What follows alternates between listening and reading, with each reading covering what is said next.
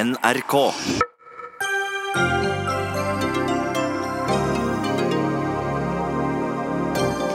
De som eier Kiwi får kjøpe inn varer langt billigere enn Rema 1000, men tjener kundene på det?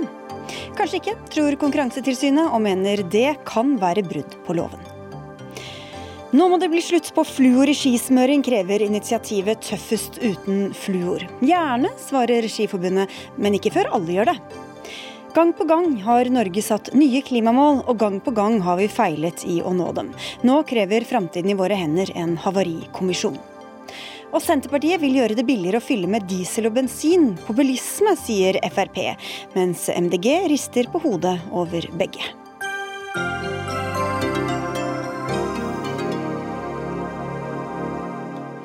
Dette er Dagsnytt 18, hvor vi også skal til riksrettshøringen i USA. Jeg heter Sigrid Solund. De store dagligvarekjedene i landet betaler så forskjellig for varene de selger videre til deg og meg, at Konkurransetilsynet mistenker brudd på loven. Norgesgruppen, som bl.a. eier Meny, Kiwi, Spar og Joker, får opptil 15% billigere varer enn konkurrentene Coop og Rema 1000. Og konkurransedirektør Lars Sørgaard, det er jo ikke forbudt å forhandle priser, så hva består de potensielle lovbruddene i? Det er riktig. Det er ikke forbudt å ha ulike innkjøpspriser. Det er ikke forbudt å forhandle lave priser. Det som kan være forbudt, er det tilfellet at eh, disse forskjellige innkjøpspriser fører til at vi som forbrukere betaler en høyere pris. og Hvis det er tilfellet, så kan det være brudd på loven. Og I dette tilfellet var det snakk om Orkla og Norgesgruppen f.eks. Så hvem av dem er det som i så fall bryter loven? Vi har vært eh, på såkalt bevissikring eh, til tre aktører i dette markedet. Det er Orkla, og det er Norgesgruppen og det er Mondelies. Vi eh, vil undersøke om noen av de har brutt loven. Det gjelder alle tre aktørene. og vi har samlet mye informasjon fra disse tre aktørene, og nå vil vi avkrefte eller bekrefte om det faktisk er et brudd på konkurransereglene. Men hva er det i så fall som er ulovlig? Nei, det er det, det, som jeg sa, at Hvis det er slik at forskjell i innkjøpspriser fører til at eh, noen kjeder setter høyere priser ut til uh, oss, oss, som dagligvarekunder, så kan det være et brudd på loven, for da har vi som kunder tapt det. Men eh, jeg skjønner fortsatt ikke helt, hvis jeg i en, handler i en butikk som har et stort sortiment og høyere priser, eh, er det lov? Altså, vi har sammenlignet helt identiske produkter som selges i alle de tre store kjedene. Så vi ser på de samme produktene, om de, selges, om de selges i ulike butikker. Og så ser vi på hvilke innkjøpspriser disse ulike kjedene har. Og da har vi funnet at noen eh, kjeder eh, har høyere priser enn eh, det Norgesgruppen har. Dermed så er vi opptatt av om disse forskjellene er noe som kundene eh, på en måte får si for, i betydningen må betale en høyere pris. Så det er ikke lov å ta mer betalt for produktene i én butikk enn i en annen butikk hvis de har betalt det samme for varen? Jo, det er lov å ta ulike priser. Det er ikke det som er poenget. Poenget er vi spør om det at en av kjedene kjøper inn til en høyere pris. Betyr det da at Eh, denne kjeden selger til oss kunder til en høyere pris enn ellers ville gjort. Så vi er opptatt av om vi som kunder er de som taper i, i siste slutt på disse relativt store forskjellene som vi har eh, funnet. Og Hvor mye er det da snakk om at vi kanskje kan ha tapt som, som kunder? Akkurat det er vanskelig å si. Nå har vi gjort en uh, holder vi på med en omfattende undersøkelse blant disse aktørene. Vi ønsker å få informasjon om hva som har skjedd. Og så skal vi da finne ut om det faktisk er slik at vi har tapt på dette eller ikke tapt på dette, og det er det som da er i fokus. Og så har det vært snakk om disse sakene i mange mange år. Eh, nå sier dere at dere er overrasket over hvor store forskjellene er. Så hvorfor har dere ikke hatt bedre oversikt over dette feltet? Vi sammen med Næringsdepartementet eh, iverksatte en, eller fikk bestilt en studie av etableringshindringer i dette markedet i 2016. Så kom denne studien og sa at det at det er forskjeller i innkjøpspriser kan være en etableringshindring i dette markedet.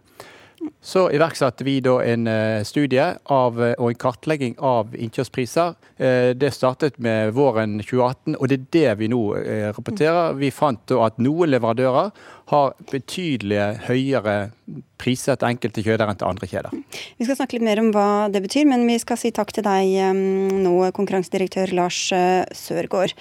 Eh, for vi skulle jo selvfølgelig gjerne hørt hva dagligvarekjedene selv har å si, men verken Norgesgruppen, som har fått de største rabattene fra leverandørene, eller Orkla-konsernet, som har gitt disse rabattene, ønsket å stille til debatt. Det gjelder også Coop og Rema 1000, som da har måttet betale mer. Ingen av dem ønsket heller å stille i studio.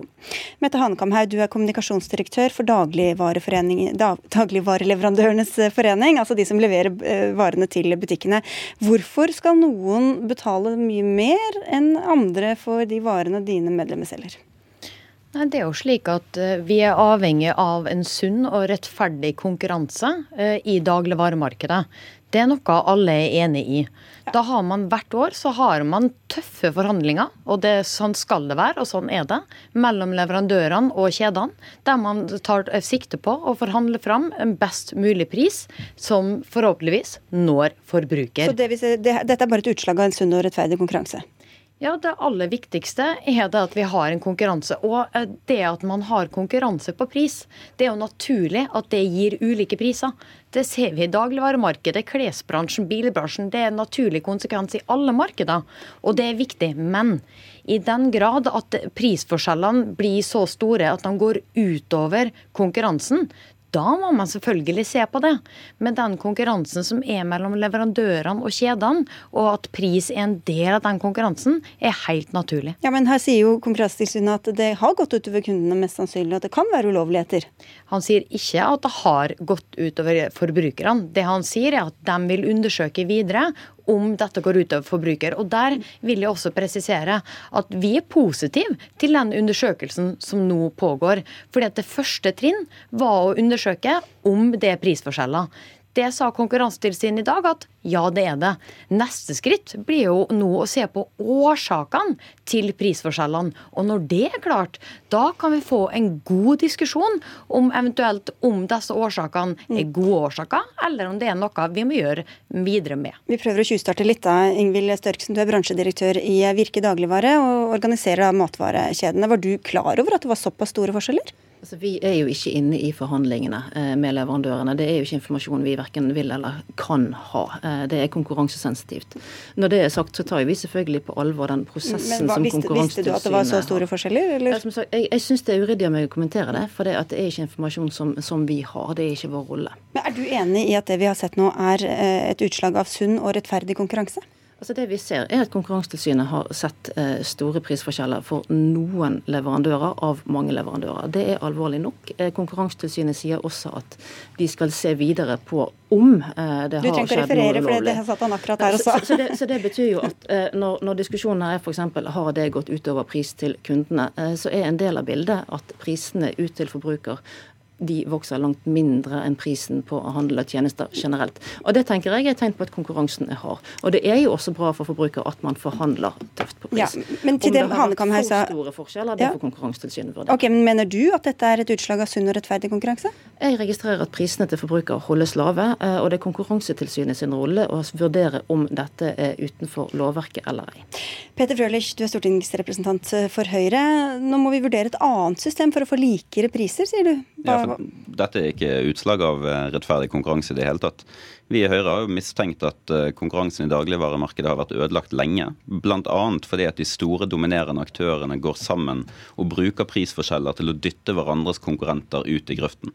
Eh, jeg tror at dette har skadet forbrukerne enormt. Jeg tror man har tapt milliarder på høyere priser i butikkene. At man har tapt i form av få produkter i hyllene.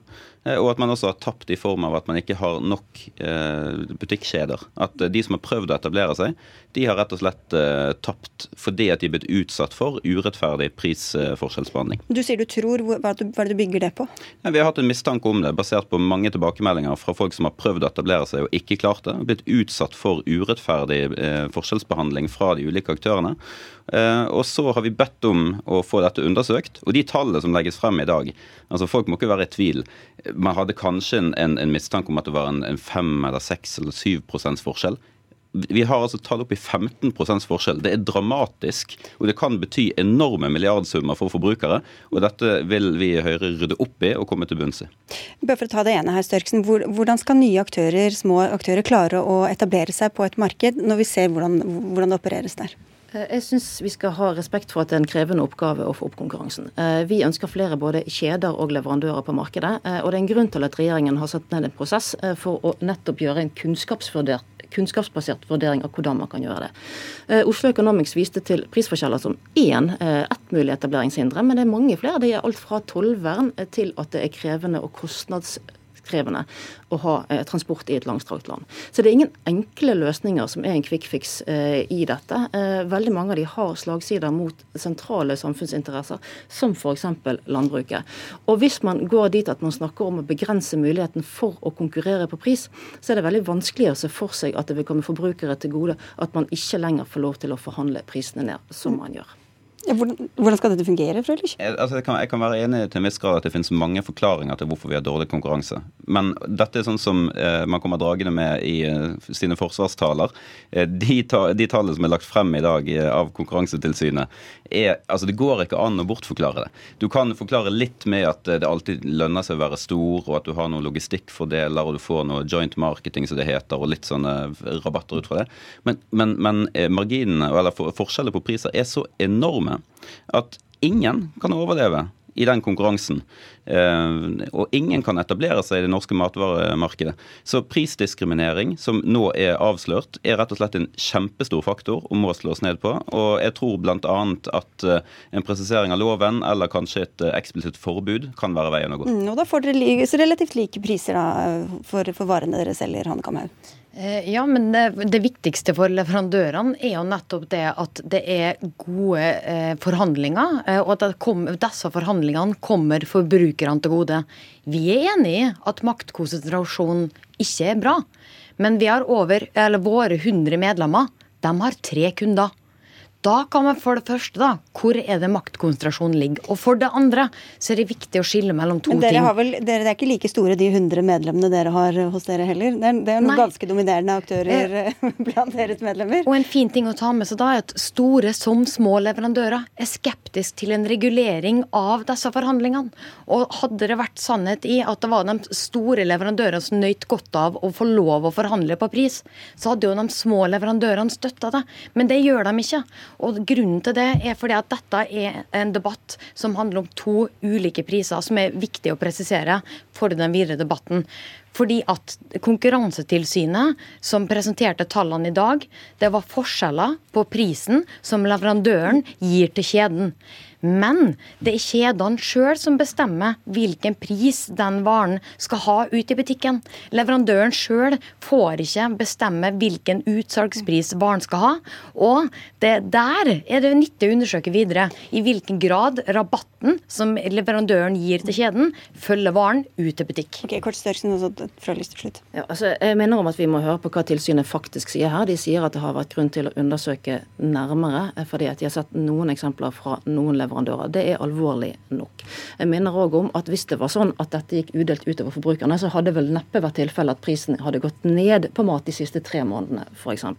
Men vi skal ta på alvor den prosessen som Konkurransetilsynet gjør nå, eh, og vi er nødt til å holde hodet kaldt for det at det er farlig hvis man iverksetter tiltak som virker mot sin hensikt, fordi at man ikke tenker seg godt nok om. Høres ikke ut som veldig intuitiv høyrepolitikk å gå inn og styre prisene, Frølich? Nei, det er ikke intuitivt, men eh, når man ser bak fasaden, så skjønner man at det er faktisk reell omsorg for eh, fri konkurranse det frie markedet. Og eh, vi har alltid vært nødt til å regulere eh, en del av konkurransen for å hindre at de dominerende aktører eh, ødelegger det. Og Det tror jeg vi skal få til her. Vi skal til deg, Cecilie Langen du er økonomikommentator her i NRK. Hvor alvorlig er det som blir avdekket her?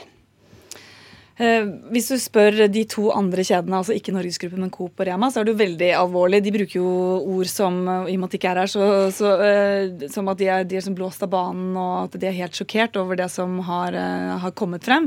Og man må jo også si at Konkurransetilsynet sier også selv at de er veldig overrasket over det som kommer frem. og At man, at man har trodd at ja, kanskje det er 4-5% og så ender det opp med at det er 15% Og så tror jeg litt det du var inne på helt i starten, som du prøvde å å, å, å spørre konkurransetilsynsdirektøren om hvordan er det Det er litt vanskelig å forstå dette. Hvordan, hvordan henger dette sammen med at jeg får Eller at jeg eventuelt kanskje må betale mer penger ute i butikken. Um, og jeg tenkte bare skulle prøve å bare forklare det litt kjapt for folk. Det. Ja, altså, de to, hvis det er sånn at de to andre kjedene betaler mer for de samme varene, så har du da to valg. Enten så tar du kostnaden selv, du driver mindre lønnsomt som butikk. Det kan gjøre det vanskeligere for da, nye butikker å etablere seg, og noen kan også bli skviset ut. Vi har bl.a. sett eh, Ica og Lidl som har blitt skvist ut av markedet. Eller så kan du da ta en høyere pris for den varen i butikk.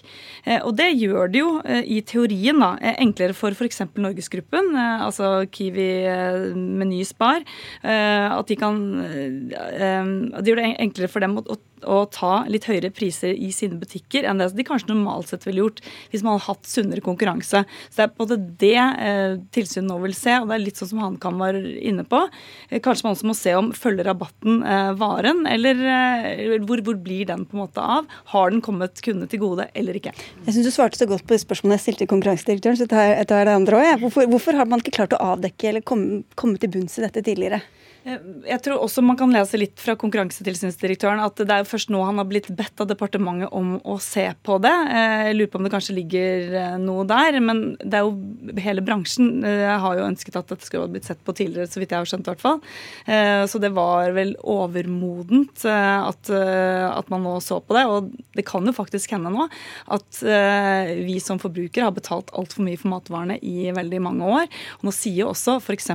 Rema at dersom dette viser seg å være ulovlig, ja, da kan det komme erstatningskrav overfor leverandørene. Så her kan det komme etterspill eh, på mange fronter. Vi får si tusen takk i denne omgang til alle fire. Cecilie Langenbekke fra NRK, Peter Frølich fra Høyre, Ingvild Størksen fra Virke dagligvare og Mette Hanekamhaug fra Dagligvareleverandørenes forening.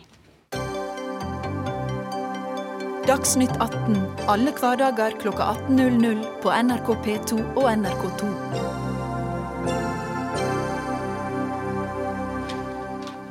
De ivrigste iblant oss har allerede lagt ut bilder på sosiale medier av skitupper og ferske spor i snøen, men skisesongen byr ikke bare på frisk luft og sunnhet i hvert stavtak. Det kan også være helsefare involvert, i hvert fall for dem som bruker skismøring med fluor. Det er blitt koblet til alvorlige helseplager blant både profesjonelle smørere og ivrige amatører. Og nå må det bli en slutt på skismøring som inneholder fluor, skriver du i en kronikk i Dagbladet, Torbjørn Hundre. Du representerer initiativet tøffest eh, uten eh, fluor. Er det så farlig? Ja, det er det, dessverre. Eh, Dagbladets serie som har gått over eh, en 14 dagers tid nå, om Glidens pris, eh, forteller jo denne historien om Toril Stokkebø. Eh, som døde i, sent på høsten 2016. Og legene sa det var stor sannsynlighet for at den kreften hun hadde fått, skyldtes mange timer i smøreboden. Og Toril var en ivrig skimamma som smørte ski til sine barn. Eh, hun var i samme klubb eh, som meg. og Jeg representerer frivilligheten i, i dette store bildet. Og jeg må si det at innledningsvis så, så er også en av verdi, eh, verdiene i Norges idrettsforbund at man skal drive idrett for å få en sunn og en sjel og, og, og kropp. Så vi står veldig trygt planta i, i, verdiplattformen til norsk idrett når vi sier at disse miljøgiftene som ligger i fluor, helse, altså miljø- og helsegiftene som, som ligger i det, og problemene som oppstår der sånn, det må man ta ved rota, og man må gjøre et totalforbud. Men så ser vi jo at til tross for advarsler og denne historien og andre historier, så, så fortsetter vi å bruke det, og, og Skiforbundet fortsetter å bruke det. Hvorfor, hvorfor tror du det er sånn? Nei, det handler jo om egenskapene til fluor. De er jo store, og det vil vi kunne høre fra mannen som sitter på andre siden her etterpå, som virkelig smører de beste skiene i verden. Eh, altså, Det handler om de egenskapene som ligger i fluor, at du får, eh, får ekstremt eh, god glid eh, på det. Men vi mener jo at det ikke er nødvendig. Hvis alle kutter fluoren og bruker eh, miljøvennlige produkter, så er det et nullsumspill hvor alle får like gode ski. Og jeg er helt sikker på at proffene klarer å få dette til å gli ganske godt likevel. Ja, litt bedre glid, men er det verdt det, Stein Ola Snesrud? Du er altså smøresjef i Skiforbundet? Ja, altså Sånn dette fungerer for oss i toppidretten, så må vi hele tida forholde oss til eh, de lover og regler som gjelder. Og vi må bruke de beste produktene som er tilgjengelig. Eh, løperne våre skal konkurrere mot eh, verdens beste utøvere fra andre nasjoner. og vi eh, har ingen annen mulighet enn å bruke det som til enhver tid er det beste produktet. Men hvorfor, ja, hvorfor kan dere ikke bruke det bare når det er internasjonal konkurranse? Og så bruker dere mindre farlig skismøring og oppfordrer andre til å gjøre det samme ellers? Oppfordringen er alltid vi bruker så lite som mulig av disse eh, helsefarlige og da fluorprodukter og den eh, type stoffer. Men når vi konkurrerer mot andre utøvere som har tilgang på de samme produktene, så må vi òg gjøre det. Ja, Vi kommer ikke til å vinne konkurranse lenger hvis vi slutter? Altså, Det er jo ikke vi i Tøffes uten fluor eh, nødvendigvis helt eh, enig i. Vi tror at eh, får man satt eh, dette her i system, og de er jo så flinke til å smøre ski, så det, det, det klarer de å finne løsningen. Det, poenget er her er at er, vi snakker om en gift som eh, ødelegger miljøet, og en gift som kan gi store helseskader. Eh, og, og Stein Ola sine kollegaer, mange av de opp gjennom årene, kan jo fortelle om disse helseproblemene de har hatt. Heldigvis så tar jo jo Skiforbundet HMS-tiltak, så det holder. De har satsa millioner på smørebuss. Men vårt problem er alle amatørene som står rundt, som ikke har visst om dette her, eller fått eh, advarsler fra Skiforbund uh, over årene, og, blitt, og stått og holdt på med disse tingene og etterapa proffene. For sånn er jo dette fungerer. Ja, fordi de Proffe har jo utstyret til å beskytte seg, men hva med det signalet det sender til alle amatørene, alle de som ønsker å bli gode til å gå på ski? Det er derfor vi er veldig opptatt av at vi vil ha ut til alle disse smørere som driver på hjemme. altså at De må beskytte seg. Og, ok, Ikke eh, bytte smøring, men bare ta på seg maske? Nei, først og fremst må du beskytte deg. og Det handler ikke bare om fluor. Jeg tror Uansett hva slags skismøring som uh, vi bruker, om det er med eller uten fluor, så må vi bruke verneutstyr. Vi må ha på oss hansker, vi må bruke vernemasker. Eh, Norges Skiforbund vi har jo bygd disse smøretrailere, og vi har jo gjort da store tiltak der som vi har sett veldig god effekt av for våre våre smørere. Og det må vi jo vi, Dette er jo veldig bra at vi nå kan få denne kunnskapen ut til folk flest, sånn at de kan gjøre det bedre. Vi skal bare trekke inn en tredjeperson her. Roger Skinstad, du er merkevaredirektør for Swix. Du er også tidligere skiløper og sportssjef i Skiforbundet. Hvorfor skal dere selge skismøring som er helsefarlig? Altså, det er jo, Stein Olav er jo inne på det her. At uh, dette er jo uh, produkter som er godt innenfor det norske og internasjonale regelverket. og og hvis ikke den får kjøpt det fra oss, så får den kjøpt det fra andre. Så vi er jo for så vidt avhengig av å da eh, følge det regelverket. Og som Senola Ola sier, er det jo veldig viktig at en tar de forholdsreglene som er eh, nødvendig. Som for så vidt gjelder alle typer produkter, om det er skismørning eller andre ting. Når det er eh, gasser eller støv som eh, kommer ut i rommet, så er det jo eh, nødvendig å beskytte seg. Ellers vil jeg jo si at eh, Eh, det initiativet til Tøffest uten flor. Vi, vi, støtter jo på en måte det og har samarbeidet med Tøffest uten flor i flere renn allerede, hvor vi har smørt uh, florfri, florfri ski for samtlige deltakere. Og vi skal gjøre det i, i vinter også, bl.a. i Norgescup. Norges Eller det heter vel hovedlandsrenn i skiskyting. Så vi er ikke på noe annen side enn verken Skiforbundet eller Tøffest uten flor. Men eh, vi må på en måte forholde oss til de reglene som er, og vi må være flinke til å opplyse om hvordan hun på en måte skal eh, utstyre seg.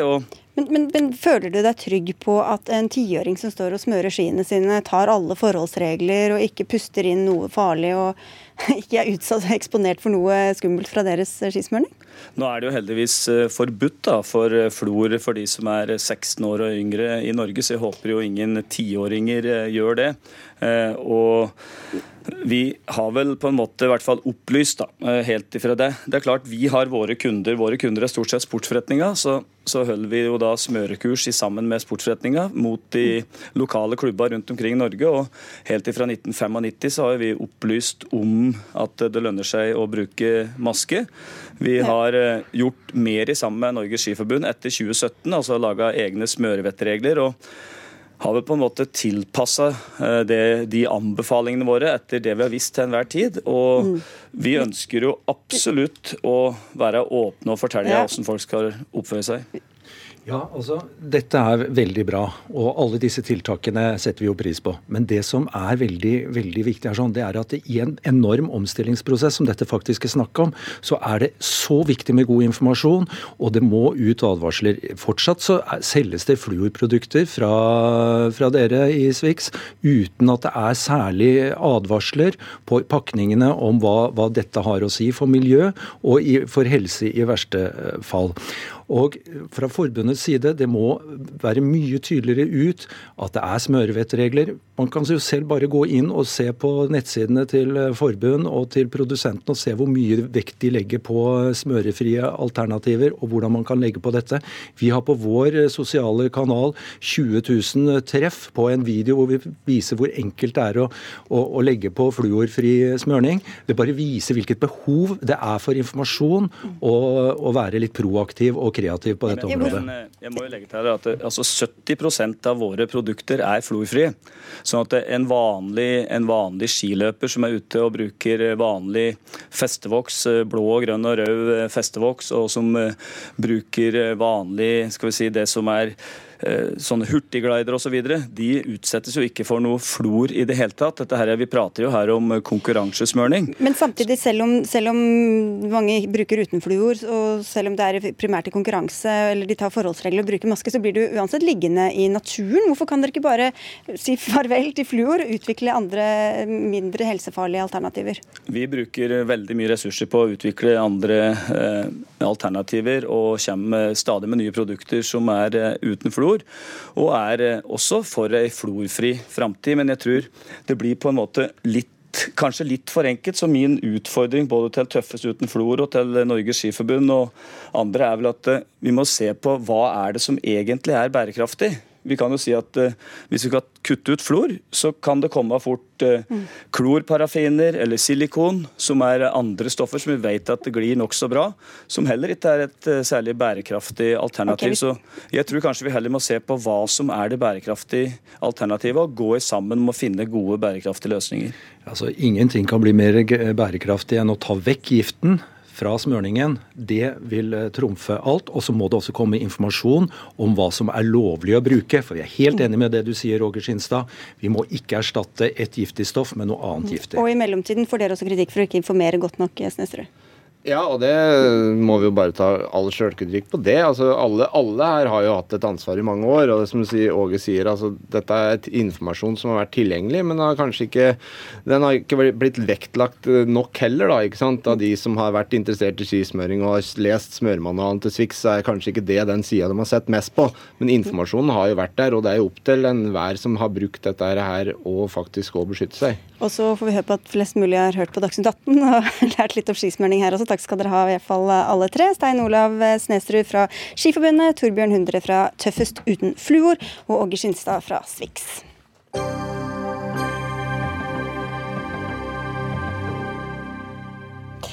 Snart spør vi her i eh, Dagsnytt 18 om hvilket parti som er bilistenes beste venn. Ingen av kandidatene er med i saken vi skal snakke om eh, nå.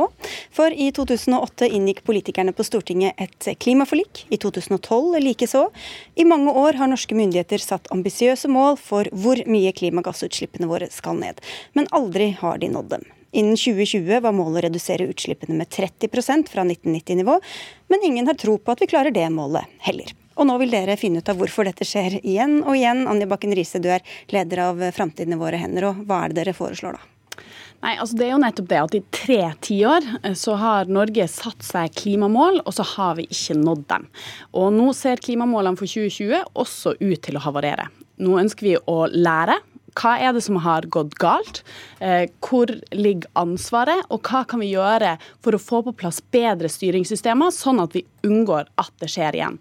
Og da vil jeg bare understreke det at planetens tålegrenser, den bryr seg ikke om om det her er regjeringa eh, Stoltenberg eller regjeringa Solberg som har stått for de største utslippene. Så det her handler ikke om å fordele skyld, men det handler nettopp om å lære, få på plass gode styringssystemer, sånn at vi sørger for å nå målene våre hvert år fremover nå, fordi at vi har ikke råd til å fortsette å feile i klimapolitikken. Men dette er altså helt ekstremt omfattende, komplekse saker. Det er, eh, det er eh, teknologi, det er internasjonale avtaler, det er totalt sektorovergripende politikk politikk. Hvordan kan man liksom tenke seg at man skal komme fram til helt tydelige og klare svar på, gjennom en sånn kommisjon? Mm. Altså, eh, det er helt riktig at dette er komplekse saker, men nettopp derfor tror vi det er viktig med en sånn her type gjennomgang. Og vi har lyst til å avgrense det til å se hovedsakelig på styringssystemene. Altså eh, hvordan ser det ut på tvers av departementene? Eh, følger man de samme målene? Hvordan følger ulike departement opp sin klimapolitikk? Eh, hvordan rapporterer de på det? Hvordan evaluerer de underveis og passer på at de er i rute, osv. Mm. Det tenker vi er en naturlig avgrensning som vil gi oss nødvendig nødvendig kunnskap for å klare å komme oss videre i klimapolitikken. Stefan Heggelund, du sitter i energi- og miljøkomiteen på Stortinget for Høyre. Du avviser ikke det helt, men du roper ikke hurra for den heller, akkurat. Hvorfor er du litt sånn skeptisk? Ja, nei, altså, og da kan jeg også avklare en litt klønete formulering jeg hadde tidligere i dag morges på NRK, hvor jeg sa liksom at alt eh, Det hørtes ut som jeg sa at alt er jo bare de rød-grønnes feil, så det vet vi allerede. Egentlig var det NRKs feil. Men det var absolutt ikke det jeg mente. For det jeg mente å si, var at jeg avviser ikke dette forslaget i det hele tatt. Jeg syns det er interessant. Samtidig, det jeg er litt usikker på, er hvor mye eh, vi finner ut av det som vi ikke egentlig allerede i fellesskap vet. Eh, fordi det som har vært problemet med klimapolitikken, og la meg bare også si det er helt uakseptabelt at vi gang på gang ikke når de klimamålene vi setter oss.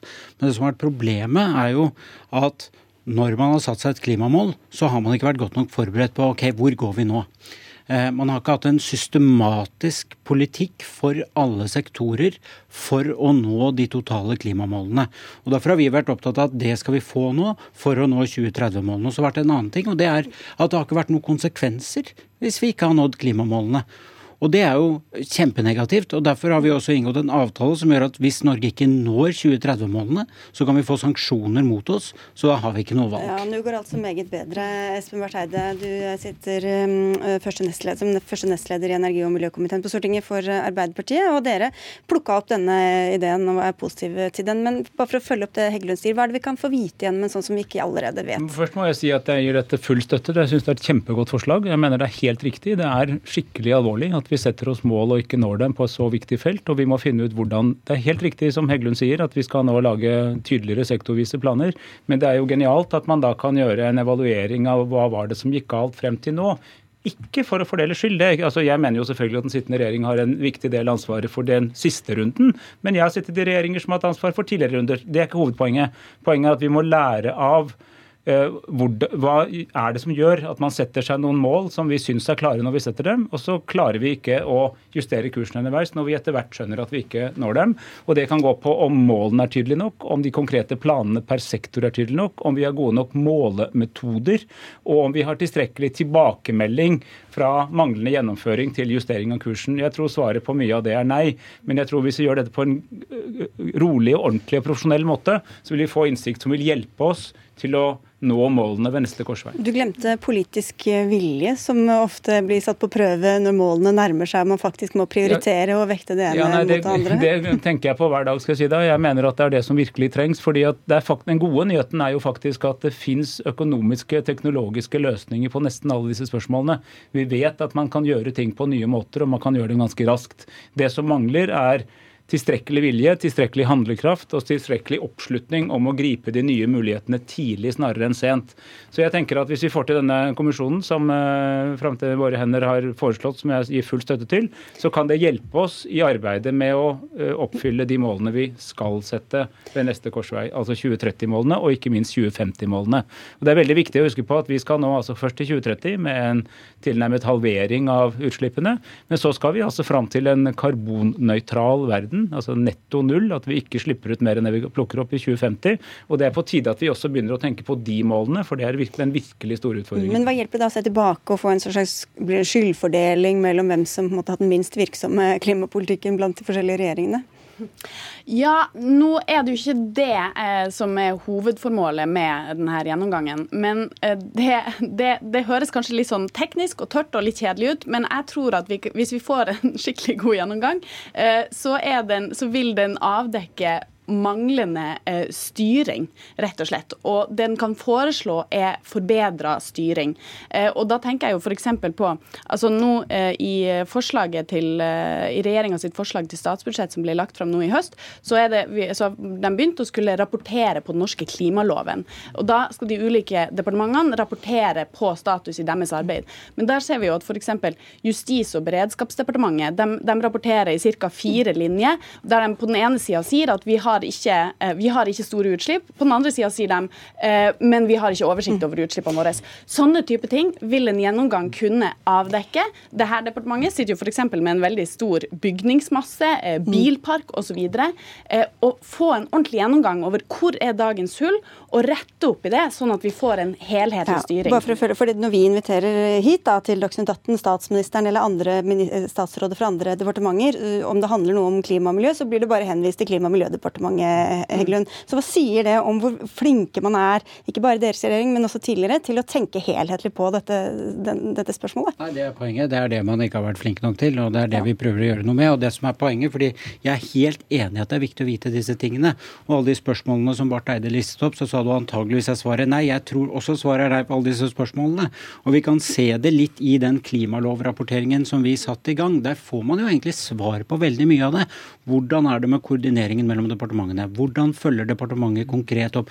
De svarene får vi jo i klimaloven. og Det er derfor jeg bare er usikker på er det dette vi nå skal bruke ressurser på, eller skal vi lage den systematiske politikken for alle sektorene? Vi, vi, hadde et utvalg her forrige uke hvor, liksom alt ble skutt ned samme dag som utvalgets rapport kom. Ja. Så hva er det som er faren ved å bruke I tillegg til disse andre tingene du nevner, så har man også et utvalg som prøver å se på strukturen her. Ja, det, men det er jo det jeg mener vi får sett i klimalovrapporteringen. Men det, la meg understreke, jeg er ikke totalt avvisende til dette forslaget, absolutt ikke. Men jeg vil se mer på hva er det man skal se på her? Hva er det vi skal bruke ressurser på å gå gjennom? Er det noe vi allerede går gjennom og som vi egentlig vet svaret på? Skal vi da prioritere det? Det er mitt eneste poeng. Jeg, jeg vet ikke om vi vet svaret. Kanskje vi vet svaret, kanskje ikke. Derfor tror jeg denne kommisjonen kan hjelpe oss til å finne ut om vi har de riktige svarene. fordi at nå prøver vi jo, mange av oss, vi prøver jo nå å få til utslippsrapportering. Mm. Altså sette, Arbeiderpartiet har lagt fram et alternativt budsjett med konkrete et utslippsbudsjett. Og så mener vi at man etter hvert også må ha et utslippsregnskap. Hvordan gikk det? Og hvis det ikke går som det skal, hvis du ikke følger banen, så må du justere kursen. Så jeg vet rett og slett ikke om vi har svarene. Jeg tror vi nå kommer til å sette noen høye mål som vi etter hvert sikkert blir enige om og syns er veldig bra. Og så vet vi jo ikke om vi når dem, fordi vi vet at det vi vet er at vi har ikke nådd de målene vi har sett oss så langt. Så det gir jo et pekepinn på at vi er ikke kjempegode på å gjennomføre disse målene. Og da tenker jeg kanskje å ta en pust i bakken og spørre hva var det som gikk galt, samtidig som vi jobber fram de nye løsningene. Men det kommer vi til å vite fordi at vi skal ha klimabudsjetter hvert år, og vi skal ha klimaregnskap. Og det er en del av den internasjonale avtalen vi har inngått med EU. Eh, for Norge, for alle sektorer, fordi poenget er jo nettopp at hvis vi ikke når de klimamålene Altså det er viktig å nå klimamålene uansett, men nå har vi jo denne tilleggs tilleggsmomentet at vi får sanksjoner mot oss hvis vi ikke når dem. Og Det er derfor jeg tror fordi vi har, hatt, vi har snakket mye om Klimakur 2030, ikke sant. Så sier alle jo, men vi har jo hatt Klimakur 2020, det er jo bare det samme som kommer om igjen. Men det er ikke det samme. For det Klimakur 2020 gjorde, det var at man beskrev potensialet av ulike tiltak man kunne gjennomføre. Men man snakket ikke om hva er de konkrete politiske virkemidlene som skal til for å utløse det potensialet. Og det er det som kommer i Klimakur 2030, som er den planen sektorvise for alle sektorer, for alle sektorer skal kutte for at vi skal klare å nå 2030-målene. Okay, det blir bare kjøtt på flesk, eh, mm. Bakken Riise? Ja, det, eh, det, det, det, er alltid en eller annen ny kur som skal komme og ta oss akkurat dit vi skal. De må jo fortsatt gjennomføres og vedtas, disse tiltakene. Absolutt. Men eh, det som overrasker meg litt, eller jeg tenker at på alle andre områder av samfunnet, når eh, hvis en til enhver tid sittende regjering hadde et politikkområde der man satte seg mål, og man liksom gang på gang på gang feila, så hadde man ønska å stoppe opp, snu mm. hver stein, få alle kortene på bordet, og da bare eh, hente den kunnskapen man trenger for å komme seg videre. Og jeg syns det er litt merkelig at i møte med vår tids største utfordring, at man ikke helt tenker at ja, åpenbart så er det det vi skal gjøre. Så jeg håper at vi vil få med oss regjeringa på det her. Og så vil jeg til slutt si at jeg synes det dette er på en måte viktigere enn det var før. fordi at nå vet vi, nå har vi lært om forskjellen på 1,5 graders oppvarming og 2 grader. og Det kan man si mye om, men helt kort så er det jeg vil si om det at det betyr at vi må gjøre ting mye raskere enn vi trodde for inntil noen få år siden. Og Der blir det ekstra viktig å kunne gjøre dette ordentlig. Vi har ikke råd til å komme til 2030 og oppdage at oi, det gikk ikke nå, eller la oss prøve et 2040-mål. Altså vi, Nå må det begynne å virke. og Da tror jeg dette er et veldig lurt forslag. Og det første delen av dere er i hvert fall enige om. Takk skal dere ha alle tre for at dere var med i Dagsnytt 18. Stefan Heggelund fra Høyre, Anja Bakken Riise fra Framtiden i våre hender og Espen Barth Eide fra Arbeiderpartiet.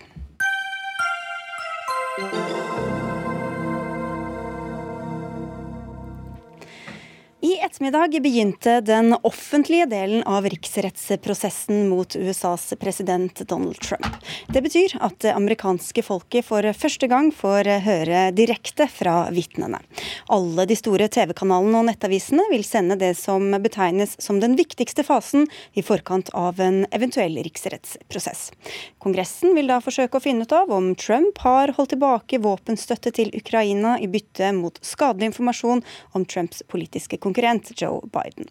Og Veronica Westrin, korrespondent i Washington DC, hva er kommet fram eh, i løpet av de siste to og en halv timene? Det er mye. Det er jo to nøkkelvitner som møter her i dag. George Kent eh, og William Taylor. Og eh, de er da ansatt i Utenriksdepartementet her i USA.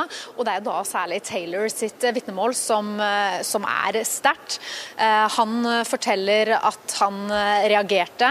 Han har aldri opplevd lignende. Det har også kommet fram ny informasjon her i dag. Bl.a.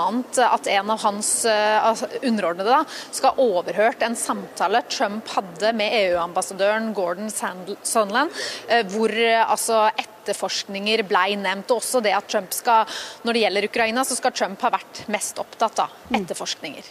Og Hvordan er interessen for denne høringa hos, eh, hos deg, holdt jeg på å si, i USA? Akkurat her jeg står, så er den veldig stor i Kongressen. Eh, men, men alle de store TV-kanalene her, de er eh, Altså, det sendes overalt. Alle nettaviser striver dette. Så dette er noe som står høyt på agendaen i amerikanske media. Men når det kommer til velgerne, så er jo dette veldig delt eh, på partipolitiske skillelinjer. Sånn at republikanerne mener jo at dette er en dårlig prosess. Den skulle ikke vært i det hele tatt, og det la de også vekt på da det starta her i dag. Og, og, sånn er det nok også blant mange republikanske velgere, at det er ikke de som setter seg og benker seg ned for å følge med på dette. Så dette er veldig delt. Men blant eh, demokratiske velgere så er det jo mange som kommer til å følge med, og selvfølgelig også på den andre siden. Sofie Høgestøl, du førsteamanuensis i rettsvitenskap ved Universitetet i Oslo, følger dette tett. Det er ikke hverdagskost, det her? Det er absolutt ikke hverdagskost. Og Når jeg satt og så på det i dag, vi har jo bare fått de første to timene, det er mye som gjenstår, så tenkte jeg at det er demokratene prøver å gjøre her, det er å egentlig gjenoppleve riksrettshøringene fra 70-tallet mot Nixon. Eh, prøve å gjenskape de høringene. For det var jo høringer på 70-tallet som virkelig førte til at det ble en skift i opinionen og oppfatning av om det Nixon hadde gjort, var galt. Eh, som da førte til at han gikk av før mm. han ble stilt for riksrett. Ja, For det er vel så viktig å få med seg folket som, å, ja. Ja, som det juridiske? Det er det det egentlig handler om i dag. Mm. Eh, for det, Demokratene har jo hatt mange av disse eh, de har jo hatt disse fyrene inne før. Og, og, og, og spurte de ut bak lukkede dører. Vi har jo fått uh, transkribert litt av det de sa uh, under de første vitnemålene sine.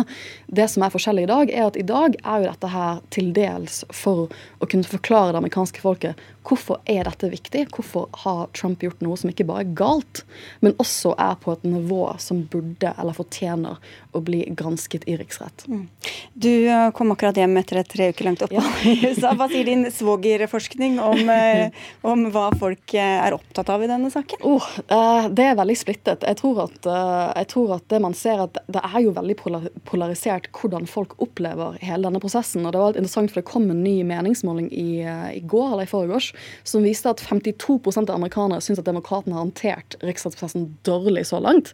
Men 56 av amerikanere syns også Trump har, håndtert prosessen dårlig så langt. Så man, man ser jo at, at folket virker i hvert fall kanskje å være litt enige om, et flertall av folket, at prosessen så langt ikke har vært så grei. Eh, og det demokratene har gjort i dag, tror jeg, for å prøve å minske det, da, for å prøve å ta politikken litt ut, er at de har gitt utspørringen av disse to vitnene til eh, advokater. Eh, som har gjort en mye mer sånn rettslig eh, avhøring av disse vitnene for å liksom ta ut litt av politikken. For det som kanskje ikke funket når de gjorde tilsvarende høringer i Mueller-etterforskningen, det var at da hadde man masse politikere som stilte spørsmål, og så ble det veldig politisert, for de mm. fikk fem minutter hver, og så skulle de markere seg på de fem minuttene, og de holdt lange taler ofte, og innlegg som ikke hadde noe med saken å gjøre. Men så her liksom, det, det var det de gjorde på 70-tallet også til ganske stor effekt. At de tok ut liksom politikerne litt av dette og satte inn litt mer fagfolk. Ja, For å få litt avstand til det, virke litt mer objektivt mm. Eh, for for, for, folket. Men dette er selvfølgelig veldig viktig, Vestrin, for, for, Trump eh, selv. Han eh, er opptatt med å ta imot den tyrkiske presidenten Erdogan, men det er kanskje ikke det tyrkisk-amerikanske forholdet som kommer til å stå sentralt når de skal ha pressekonferanse senere? Det er visst en del senatorer borte i Det hvite hus uh, i dag også, så hva temaet for den pressekonferansen er, vet jeg ikke ennå. Men det er jo venta at han kommer til å benytte anledningen til å skyte løs mot den etterforskningen, slik han jo jevnlig har gjort på Twitter også i dag tidlig. Nå sies det at han sitter og jobber i Det hvite hus og ikke følger med på det som skjer her. Yes. Hva, du, hva, tror du skal til Høgestøl, for at uh, også republikanere kan vende seg mot uh, sin egen president? Det er jo veldig vanskelig å si. For det vi har sett at Trump har jo holdt på støtten blant republikanerne. Han har fortsatt en støtte som ligger oppe på 90-tallet. Blant ikke bare republikanerne i Kongressen, men også republikanske velgere. Det er veldig høyt. Uh, og da spør, spørs det om man greier å skjære igjennom på den måten man da gjorde på 70-tallet. For det var det som skjedde da, at Nixon gikk av for han skjønner han hadde mistet sitt eget parti. For da var det plutselig republikanere i Kongressen som var med på denne riksrettsprosessen. Han skjønte at jeg kommer til å bli dømt hvis jeg, hvis jeg velger å, å, ta en full høringsrunde i Senatet. Så jeg går av før det skjer. Uh, men jeg, jeg satt og, man, man, har lagt ut alle disse riksrettshøringene fra 70-tallet på nett, så de kan man faktisk se. Og jeg har sett litt på noen av de, og det, det, det er jo litt sånn et spørsmål om i noen 2019-setting kommer man til å greie å skjære gjennom mediebildet på den måten man greide på 70-tallet, og virkelig overbevise folk som allerede virker ganske satt i hva de tenker om saken. Men Er det juridisk så gitt at han har gjort noe galt, da? Det vet vi ikke ennå. Sånn, det er jo det, skal, det, er jo det disse uh, etterforskningene juridisk skal avdekke. Men det er jo et litt sånn interessant juridisk spørsmål. Altså, er det en juridisk standard, uh, det med riksrett? Altså, det, det, som står i den amerikanske grunnloven, er at uh, Kongressen kan avsette en president for å ha drevet med forræderi, bestikkelse og andre typer alvorlige kriminelle handlinger. Og Når man ser tilbake på hva de tenkte når de lagde denne riksrettsmekanismen, når de skrev den amerikanske grunnloven, så la de det til altså Kongressen litt fordi at de mener at det var en litt politisk vurdering. Og det var mer passende å legge det til en politisk organ enn å ligge til Høyesterett. Hvis du spør meg som jurist, så er jo hva betyr den standarden da? Det betyr jo egentlig det at eh, to tredjedels flertall av Senatet vil at det skal bety. Mm.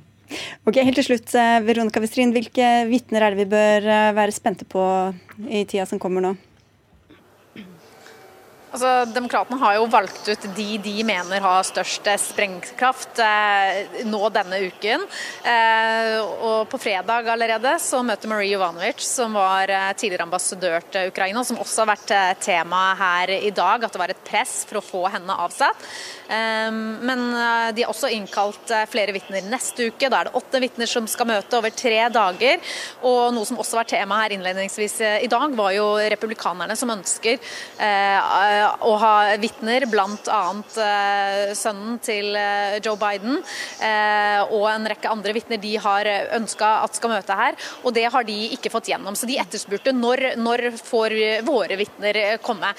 Så hvorvidt det blir tid til flere vitner, det vet vi ennå ikke. Vi ses nok snart igjen, Veronica. Takk skal du ha, og tusen takk til deg, Sofie Høgstøl, for at du kom til Dagsnytt 18.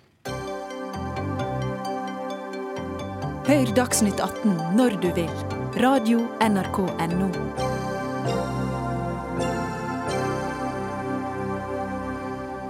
Hvis jeg sier bilistenes parti, så tenker du kanskje på Frp, men nå vil Senterpartiet at du skal tenke på dem i stedet. Gjennom Klassekampen lekker partiet fra sitt alternative budsjett som kommer til uka, og der står det at avgiftene på bensin og diesel bør ned.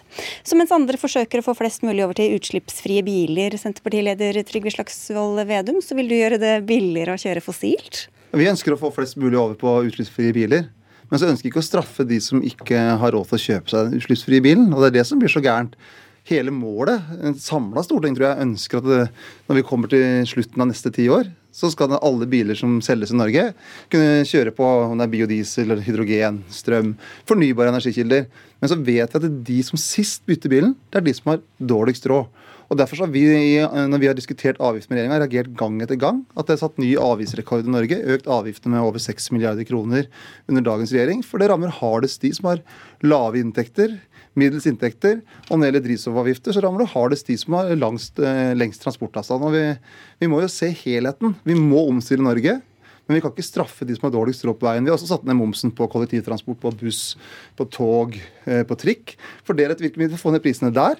For folk med vanlige og middels inntekter. Og så litt lavere avgift på drivstoff, for vi må ta hensyn til at Norge er langstrangt. Men Hvordan kan det da ha seg at dere sammen med de andre rød-grønne og MDG foreslo en gradvis økning av disse avgiftene bare for tre år siden? Ja, det var jo en merknad, en tekst uh, i en, en, melding. Og det mente du ikke, det var bare en merknad? Ja, det var bare en merknad. Og så har vi i hvert eneste budsjett så har vi lagt et lavere avgiftsnivå enn en regjeringa. Og så var det jo det som skjedde i høsten 2016, der Erna Solberg presenterte budsjettet sammen med finansminister Siv Jensen, og der hun sa at de hadde økt avgiftene mer på ett år enn på åtte rød-grønne år.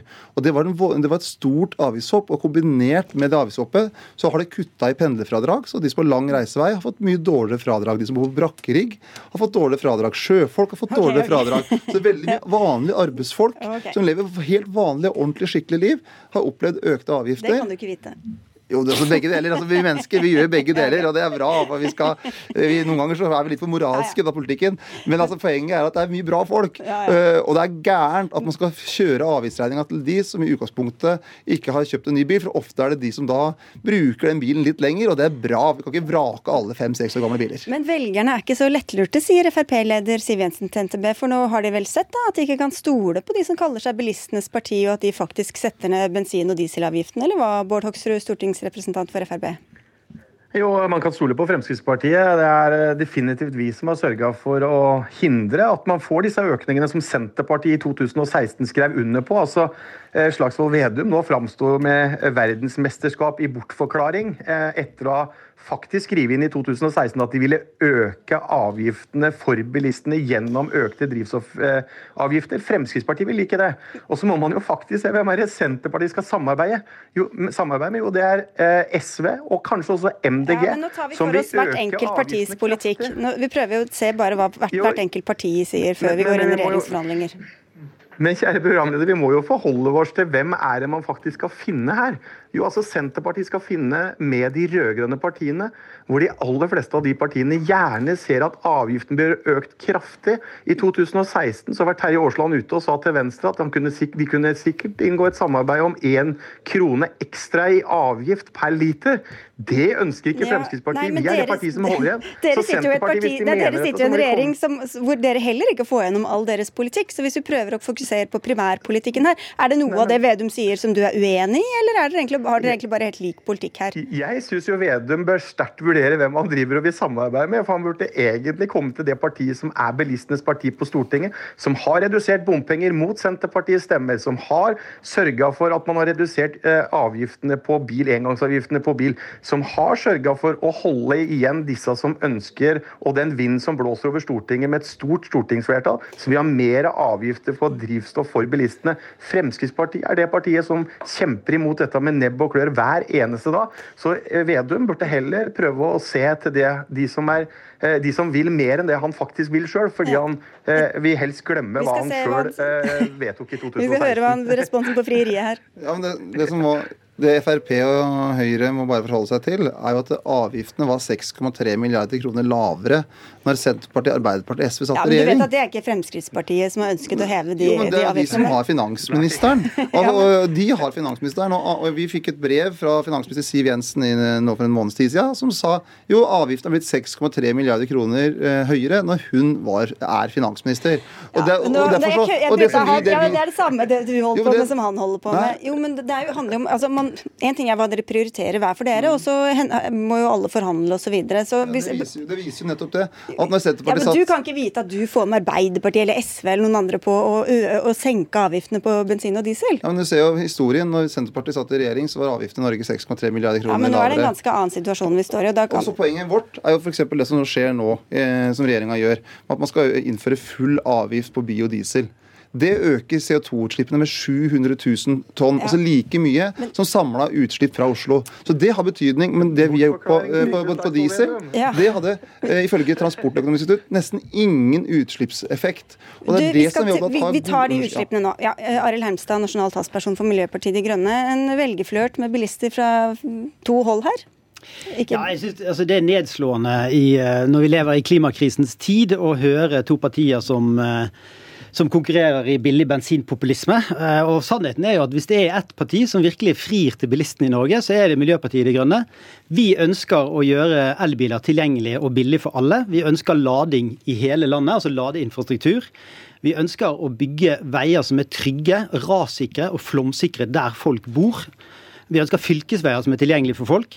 Og så ønsker vi òg å få folk de som kan velge bort bilen, de bør sykle eller ta T-banen eller ta bussen. Ja, okay, og det men- ønsker vi å gjøre, og da blir det også bedre plass på de som virkelig Ja, ja, trenger greit. bilen. Så er det et parti som virkelig er vennlig mot bilistene, så er det Miljøpartiet De Grønne, og alt annet er populisme. Meg, ja, ok. Det er først og fremst når vi kjøper bil at avgiftene virkelig bestemmer hva slags bil vi velger. Så hvorfor skal vi ha høye avgifter som rammer også de som ikke har råd til en utslippsfri bil som man både kan kjøre langt med, og som kanskje ikke får plass til hele familien? Altså, En ting som jeg er enig med Vedum i, det er at om du flytter 15 øre eller 35 øre på disse avgiftene, så har det fint lite å si for utslippene. Hvis du gjør det sånn at det monner, og vi har foreslått fem kroner ekstra i bensin- og dieselavgift, det er for å være tydelig overfor hva vi vil, men vi vil dele ut igjen de pengene. Sånn at vi ikke går inn i statskassen, men at det går ut igjen til folk som en belønningsordning, som gjør at folk i distriktene de kan få litt mer, siden de er avhengig av bil, mens de som bor i byen, de får litt mindre Altså konto. Altså også de som kjører dieselbil. Altså, poenget er at vi tar inn de ekstra fem kronene i bensin- og dieselavgift, og så deler vi de ut igjen til alle innen hele landet. og Det betyr at vi Alle raskt det, det er ikke så veldig vanskelig å få til. Det kan man enten gjøre gjennom skattesystemet eller med å gi Jo, en, eh, en årlig det- pott som kommer inn på konto til både voksne og barn. Det betyr at hvis du kjører mindre bil enn snittet, så vil du tjene på denne ordningen. Samtidig som vi får en rask klimaløsning. Det blir lønnsomt å kjøre miljøvennlig, og det blir veldig dyrt å forurense. Og Det er jo det vi skal gjøre nå. Vi skal ikke drive med billig bensinpopulisme og late som om billig bensin skal ta vare på distriktene eller noe annet. Men dere nevnte Transportøkonomisk institutt. Ifølge dem så kommer 10% lavere drivstoffavgift til å gi 2,5% høyere forbruk, og det er på kort sikt. På lang sikt 5-6 Hvorfor føre en bilpolitikk som da du vet kommer til å gi økte utslipp? Ja, vi, når vi foreslo 35 øre lavere dieselavgift, så hadde vi både muntlig og skriftlig kontakt med Transportøkonomisk institutt. Dette for å se på klimaeffekten av det. Og Da fikk vi et skriftlig svar fra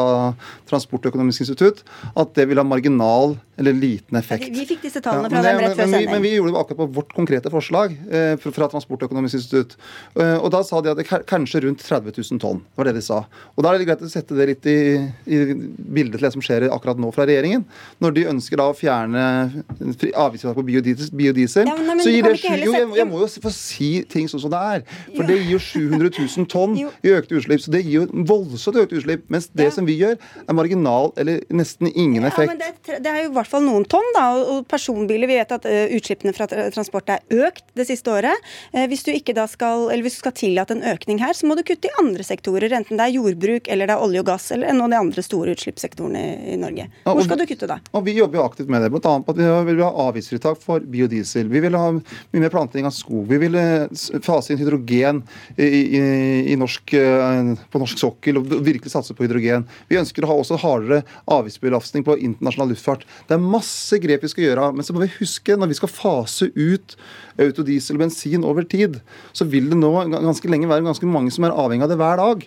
Og da kan vi ikke straffe de som har dårligst råd med å øke avgiftene, samtidig som en kutter pendlerfradragene. For det som er problemet når man øker avgift etter avgift etter avgift, som dagens regjering har gjort, med over 6 milliarder kroner, så rammer det de som har lavest inntekt mest. Og vi må ha en grønn omstilling av Norge, men vi må også ha en sosial profil der det ikke er de som har lavest råd, som forurenser minst, som skal få den største straffa. Du skal slippe til Hoksrud. Nei, Hermstad skal bare få inn Hoksrud veldig kjapt eh, her på, på denne sosiale profilen da, til dere i, i regjeringa. Ja, nei, Jeg bare registrerer at Hermstad sier at de vil øke drivstoffavgifta med fem kroner literen. og Da kan man jo tenke når Sla- Slagsvold Vedum i samarbeid med, med, med det partiet, så skjønner jo folk hva de kommer til å få. Jeg er mye mer opptatt av at Jo, jo, ja, men, men, men, jo, men poenget er jo det at det er, man må se hva Senterpartiet har skrevet under på i, i 2016. De ønsker det. Altså, så Fremfor Fremskrittspartiet så jobber vi hver dag for at vi skal redusere avgifter for folk flest i hele landet. fordi det handler faktisk om hverdagen til folk, og det er jeg eh, veldig opptatt av. Derfor så jobber vi for å redusere drivstoffavgiften også. Men eh, vi har, det er en vind på Stortinget hvor Senterpartiet har vært med på og ønsker å øke i, i motsetning okay, til det Fremskrittspartiet skal, vi skal slippe Fremskrittspartiet til ønska. På tampen her. Men det vi gjør her nå, er jo oppskriften på en klimapolitikk som som ikke virker. Det er en oppskrift på en politikk som sier at det er noen andre, et annet sted, til en annen tid, som skal ta den klimadugnaden som vi alle må gjennom. Eh, og jeg tenker jo også på at Når Senterpartiet faktisk vil bruke 900 millioner på et tiltak som ikke har effekt, så kan ikke dere heller bli med oss på å bruke de pengene på å gjøre elbiler tilgjengelig for flere, og gjøre ladeinfrastruktur tilgjengelig på landet. Istedenfor å, å kjøre denne billige konkurransen med Frp om å ha den billigste bensinen. Jeg syns det er tåpelig fra, fra Senterpartiet. Ti å gjøre det. sekunder, Slagsvold Vedum. Norske klimagassutslipp skal ned. Det er en enormt viktig jobb. Men så er det feil det som regjeringa nå gjør, om at man har økt avgiften med 6,3 milliarder kroner. For det rammer hardest de som har minst. Og Frp snakker mye om lavere avgifter, men i praksis så stemmer de for høyere gang etter gang etter gang. Åh, Sist på strøm. Nei, nå fikk ikke han Det var sleipt. Nå fikk ikke han mulighet til å svare igjen. Takk skal dere ha, alle tre, for at dere var med. Anne Katrine Føhli, Eli Kyrkjebø og jeg, Sigrid Solund, takker for oss og ønsker velkommen igjen i morgen.